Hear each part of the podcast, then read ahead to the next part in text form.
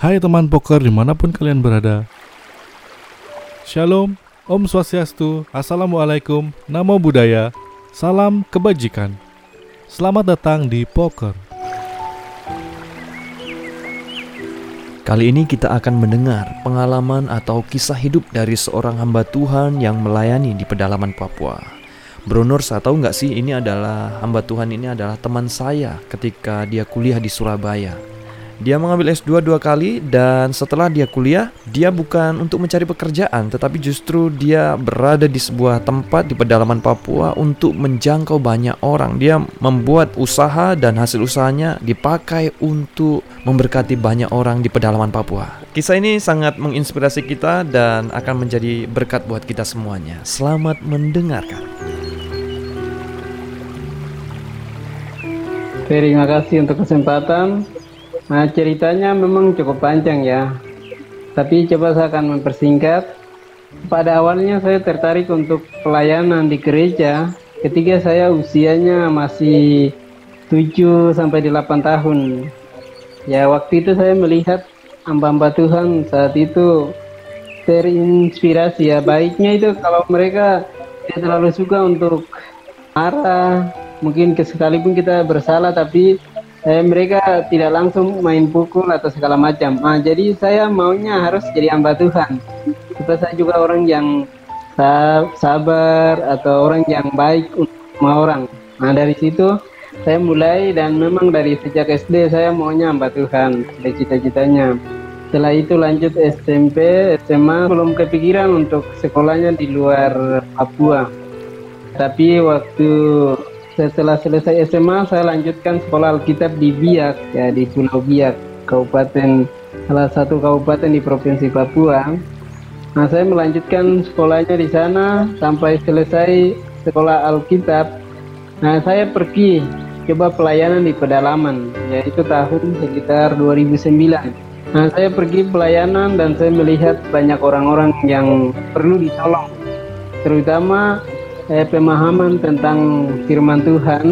Di sana itu hamba-hamba Tuhan itu kalau sudah tahu membaca abjad dia dikasih Alkitab untuk berkhotbah lebih dari 1000 sampai 1200 orang begitu satu kampung itu satu gereja. Nah itu yang saya salah satunya saya terbeban untuk mengarahkan hamba-hamba Tuhan di sana. Beberapa kali saya pergi itu seminarkan hamba-hamba Tuhan untuk atau pendalaman Alkitab. Jadi saya sharing mengenai firman Tuhan kepada hamba-hamba Tuhan yang sampai ratusan lah sekitar lima ratusan orang hamba Tuhan gembala sidang, majelis sampai dengan wakil gembala dan sebagainya. Nah jadi setiap saya pergi ke sana memang saya kasih seminarkan. Tujuannya supaya mereka mungkin paling tidak ada pengetahuan tentang Alkitab dan bisa untuk bercerita atau sharing ke jemaatnya saya biasa pelayanan ke sana dan selanjutnya memang saya juga tidak tahu dapat duit dari mana untuk lanjutkan sekolah S1 di Surabaya.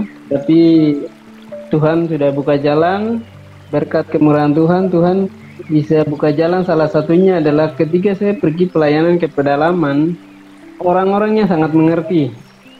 Jadi waktu saya selesai sekolah Alkitab pelayanan di pedalaman mungkin sekitar 171 gereja yang saya kunjungi, mereka ada berkat kasih 50 ribu satu gereja atau 100 ribu, ah, saya kumpul-kumpul.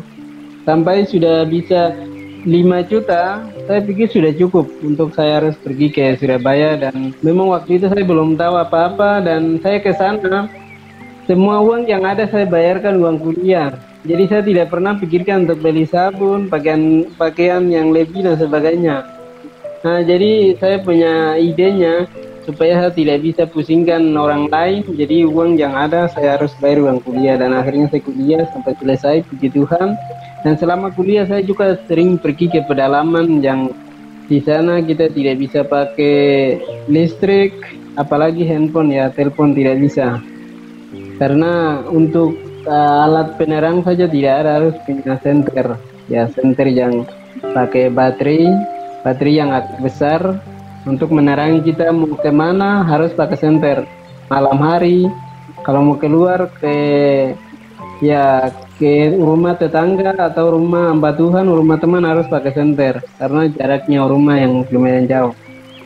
Nah, jadi di sana tidak ada apa-apa, hanya kebebasan saja untuk pelayanan dan tidak dapat apa-apa, hanya kita yang berkorban banyak. Nah, dan selanjutnya yaitu untuk perjalanan dari sini ke pedalaman harus permohonan pesawat. Itu satu kali misalnya mau berangkat ya kita butuhkan enam bulan permohonan supaya harus ada pesawat. Setelah itu dikasih ya kita akan berangkat ke sana bayar sekali pergi ya satu juta enam ratus pulang pergi bisa tiga juta lebih. Eh, memang perjalanan dan di sana semua semua belum ada dan orang-orang di sana belum tahu itu kendaraan kah apa pokoknya yang ada di kota tidak ada yang tahu. Karena memang di sana masih primitif dan semuanya. Selanjutnya saya ya kuliahnya itu. Jadi selama uang yang ada waktu itu uang sakunya semua saya bayarkan uang sekolah. Strateginya. Jadi saya bisa selesaikan sekolahnya karena sudah bayar sebelumnya. Ya begitu. Dan sekarang ini juga saya masih terbeban karena terbebannya itu di sana hamba Tuhan itu belum pernah sekolah teologi satu dua tahun hanya tahu membaca abjad ABC atau tahu tahu membaca dikasih Alkitab untuk jadi menggembalakan di jemaat yang begitu banyak. Nah jadi saya terbeban untuk akan terus setiap kali ada kesempatan saya akan ke sana. Ini rencana bulan Februari lagi akan ke sana mungkin tinggal berapa lama di sana baru akan kembali. Ya seperti itu yang pertama tadi yang dapat uang setiap pelayanan itu saya bayarkan sampai pas mau ketiga mau ujian untuk apa skripsi. Ya saya kewalahan karena tidak sempat pulang ke Papua. Jadi saya punya ide saya harus kerja apa saja yang penting itu bisa mendatangkan uang. Dan saya sering tanya-tanya di tempat pencucian mobil segala macam atau jadi toko-toko untuk macam di mana JMP itu saya dengan Daniel Lavino kita dua cari kerja seperti itu dan ternyata Tuhan buka jalan. Akhirnya saya direkomendasikan untuk kerja di toko buku yakin dan itu cukup lama. Selama S1 semester akhir dengan sampai dengan S2 selesai sekitar empat tahun saya di toko buku yakin oleh kemurahan Tuhan saya kerja di sana dan Tuhan buka jalan berkatnya dan saya bayarkan dari semua kuliah. Kuliah dari S2 yang untuk dua degree dan semua bisa selesai dengan baik. Ya jadi saya orangnya nekat. Nekatnya itu ya tidak apa-apa. Yang penting kerja orang mau bicara apa tidak masalah. Yang penting itu tidak merugikan orang lain.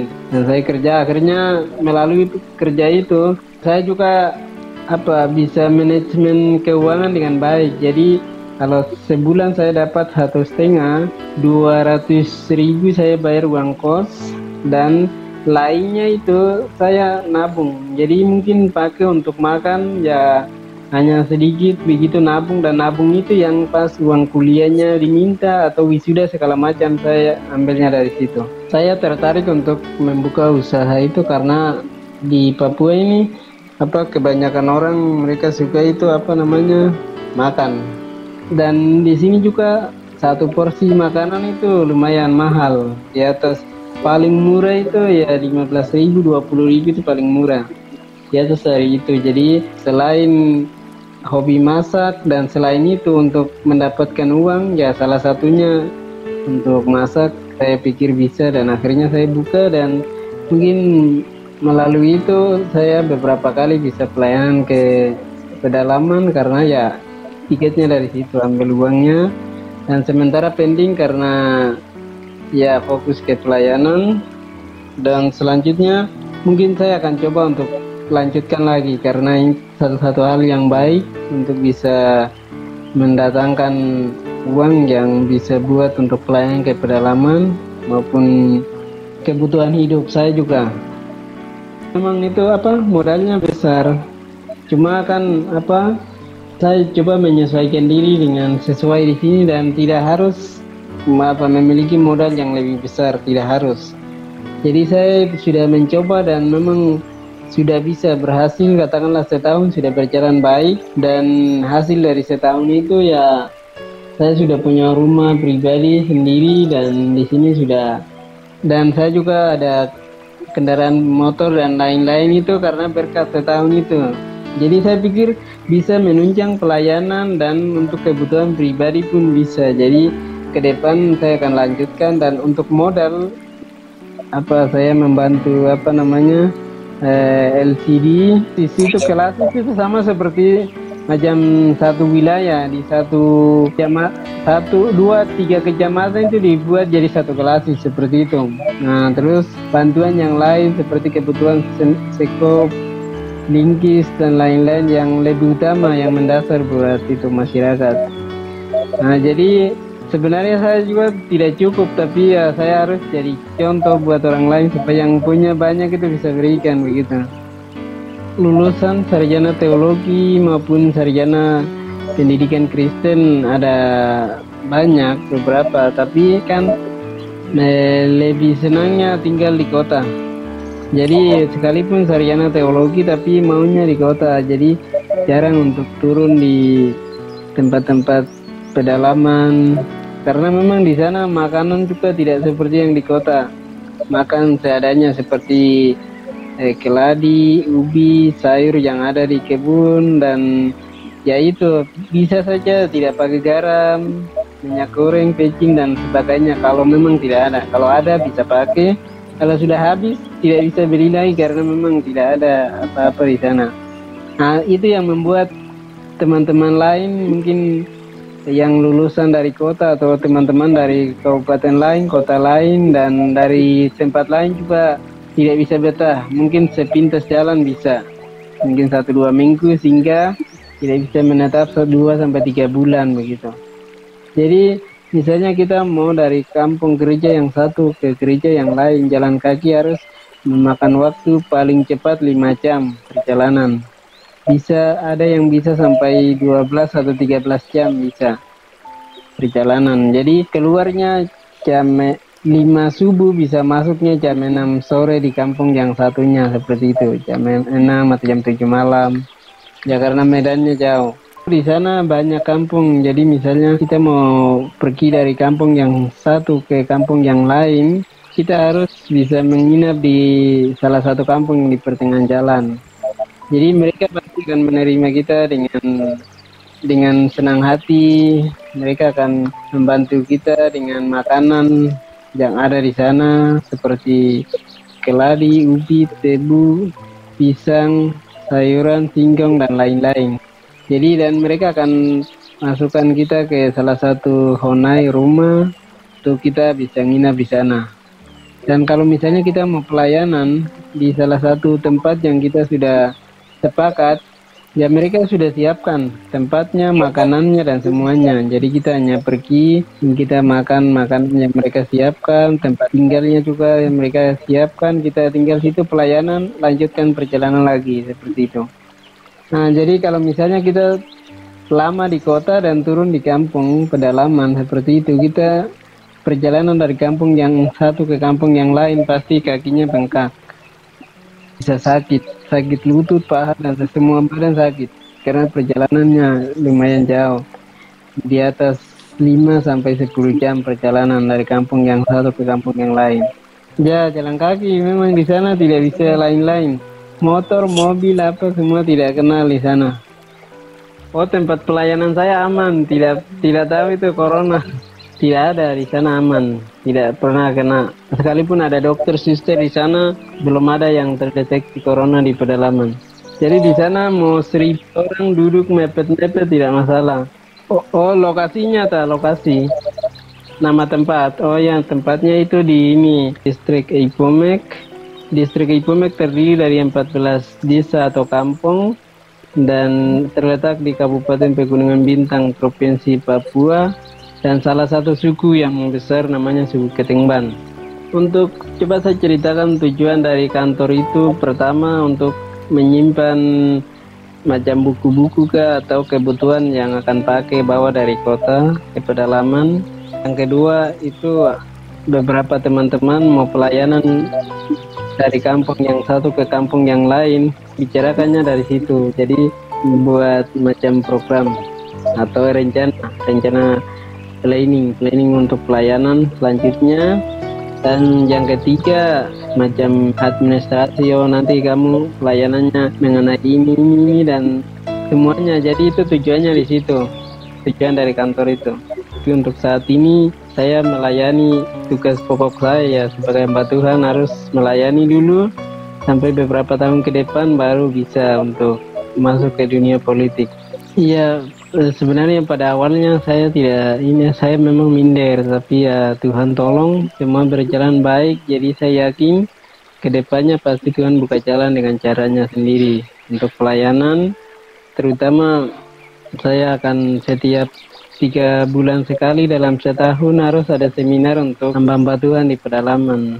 Jadi untuk membekali mereka. Dan saya tidak depan akan terus ke sana. Dan untuk selanjutnya saya juga akan coba untuk bekerja sama dengan beberapa hamba-hamba Tuhan yang mungkin di Papua maupun di luar.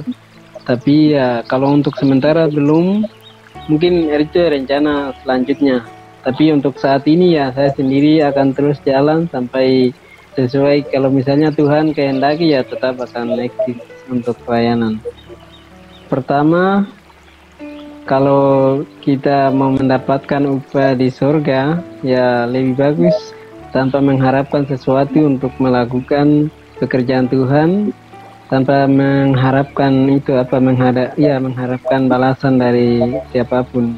Dan tetap setia melayani dan di mana saja dan kapan saja. Dan selanjutnya ya sebenarnya penginjilan atau untuk pelayanan lebih fokus itu saya pikir yang lebih butuhkan hanya hanya di pedalaman mungkin selain Papua Indonesia yang daerah lain juga ada atau di seluruh dunia tempat-tempat tertentu ya yang sangat membutuhkan hanya di pedalaman, di tempat-tempat yang belum tersentuh. Kalau di kota ya mungkin hanya menambah pengetahuan tentang Tuhan. Karena sudah tahu semua, sering dari siapa pun dengar atau dari Google kah baca belajar sendiri bisa. Tapi kalau dari pedalaman di Papua maupun di daerah lain, di dunia lain yang pedalaman sekali itu memang mereka butuh, butuh orang, butuh kita mbak-mbak Tuhan. Nah, kita sudah mendengar ini. Kesaksian rohani dari seorang hamba Tuhan dan sebuah kisah inspiratif buat kita semuanya dan kita boleh belajar dari kisah ini banyak hal. Kita yang masih muda sekarang ini mungkin banyak waktu, mungkin kita punya uang banyak, mungkin kita punya kemampuan lebih, mungkin kita cerdas, mungkin kita mampu, kita punya segalanya. Tetapi dari kisah ini kita belajar dari seorang hamba Tuhan yang bernama Broterianus Malio, MPD MTH ini bahwa sekalipun dia masih muda, dia mau memberi, ya mau menjadi berkat buat banyak orang. Mungkin kita masih muda, teman-teman Jangan anggap seorang pun menganggap kita rendah karena kita muda ya. Kita belajar dari seorang bruteris sekalipun dia muda, dia menjadi berkat buat banyak orang. Sekalipun tidak banyak pujian dia terima, mungkin tidak banyak orang mendengar, tidak banyak orang melihat apa yang dia sudah lakukan. Semua hasil usahanya, beberapa hasil usahanya juga didedikasikan, diberikan untuk menjangkau menjadi berkat buat orang-orang di pedalaman. Bisa bayangkan setiap hari mungkin dia harus melalui tempat yang sulit, setiap hari dia harus melalui tempat yang sukar, melewati gunung, melewati lembah, kepanasan, tetapi dia melakukan semuanya untuk menjadi berkat, menjangkau banyak orang di pedalaman Papua. Dan ini menginspirasi buat kita. Benar, Bro Nusa? Betul sekali, sangat menginspirasi. Nah, kita akan terus melihat uh, kisah inspiratif yang lainnya nanti selanjutnya akan disampaikan Bruterianus di lain kesempatan dan saya percaya kisah ini akan membuat kita termotivasi untuk menjadi berkat buat banyak orang, menjadi seorang yang terus optimis sekalipun kita tidak memiliki apa-apa. Bruteris sebelumnya dia bukan siapa-siapa, tetapi dia melakukan semuanya terus melakukan yang baik dan terbaik dan menjadi berkat buat banyak orang. Nah, jika teman-teman ingin berbagi pengalaman unik atau kesaksian hidup seperti Bro Tirianus Malio, silahkan kirim melalui Instagram kita di @podcastkesaksianrohani. Saya Norsa pamit. Saya Andre pamit. Sampai jumpa di episode sharing selanjutnya. Terima, Terima kasih.